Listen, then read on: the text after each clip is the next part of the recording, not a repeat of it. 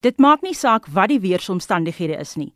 Tannie Poppy is elke dag by haar padstal besig om roosterbrood te maak. Sy is 'n ma van 6 en omdat haar man bedlêend is, is sy die gesin se enigste broodwinner.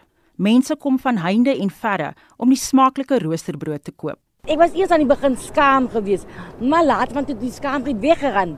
En so ek is nou trots op dit wat ek doen om vir mense brood te kan verskaf. Ek is wêreldwyd bekend vir dit.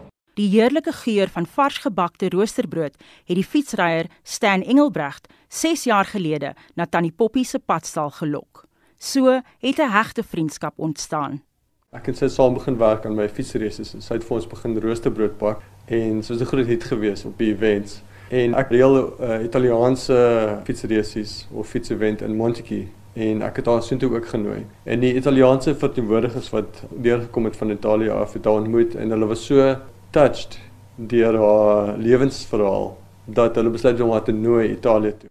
Tannie Poppy is gevra om roosterbrood te maak tydens 'n 3 dag lange fietsrybyeenkoms in Oktober in Gaioli in Italië. Dit vir my 'n wonderwerk want dit was nie in my gedagte gewees dat roosterbrood my so ver sal vat nie. Dit is so eenvoudig, maar as mens nou dink aan eh, soos die pastore sê baie keer as hulle mos die nagmaal bedien, die die brood word gebreek, is die liggaam van die Here.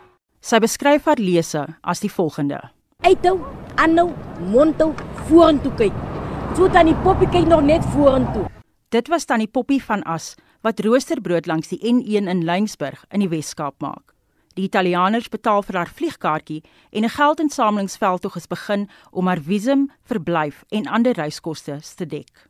Die verslag is saamgestel deur Tandiswa Mau. Ek is Annelien Moses vir SAK nuus.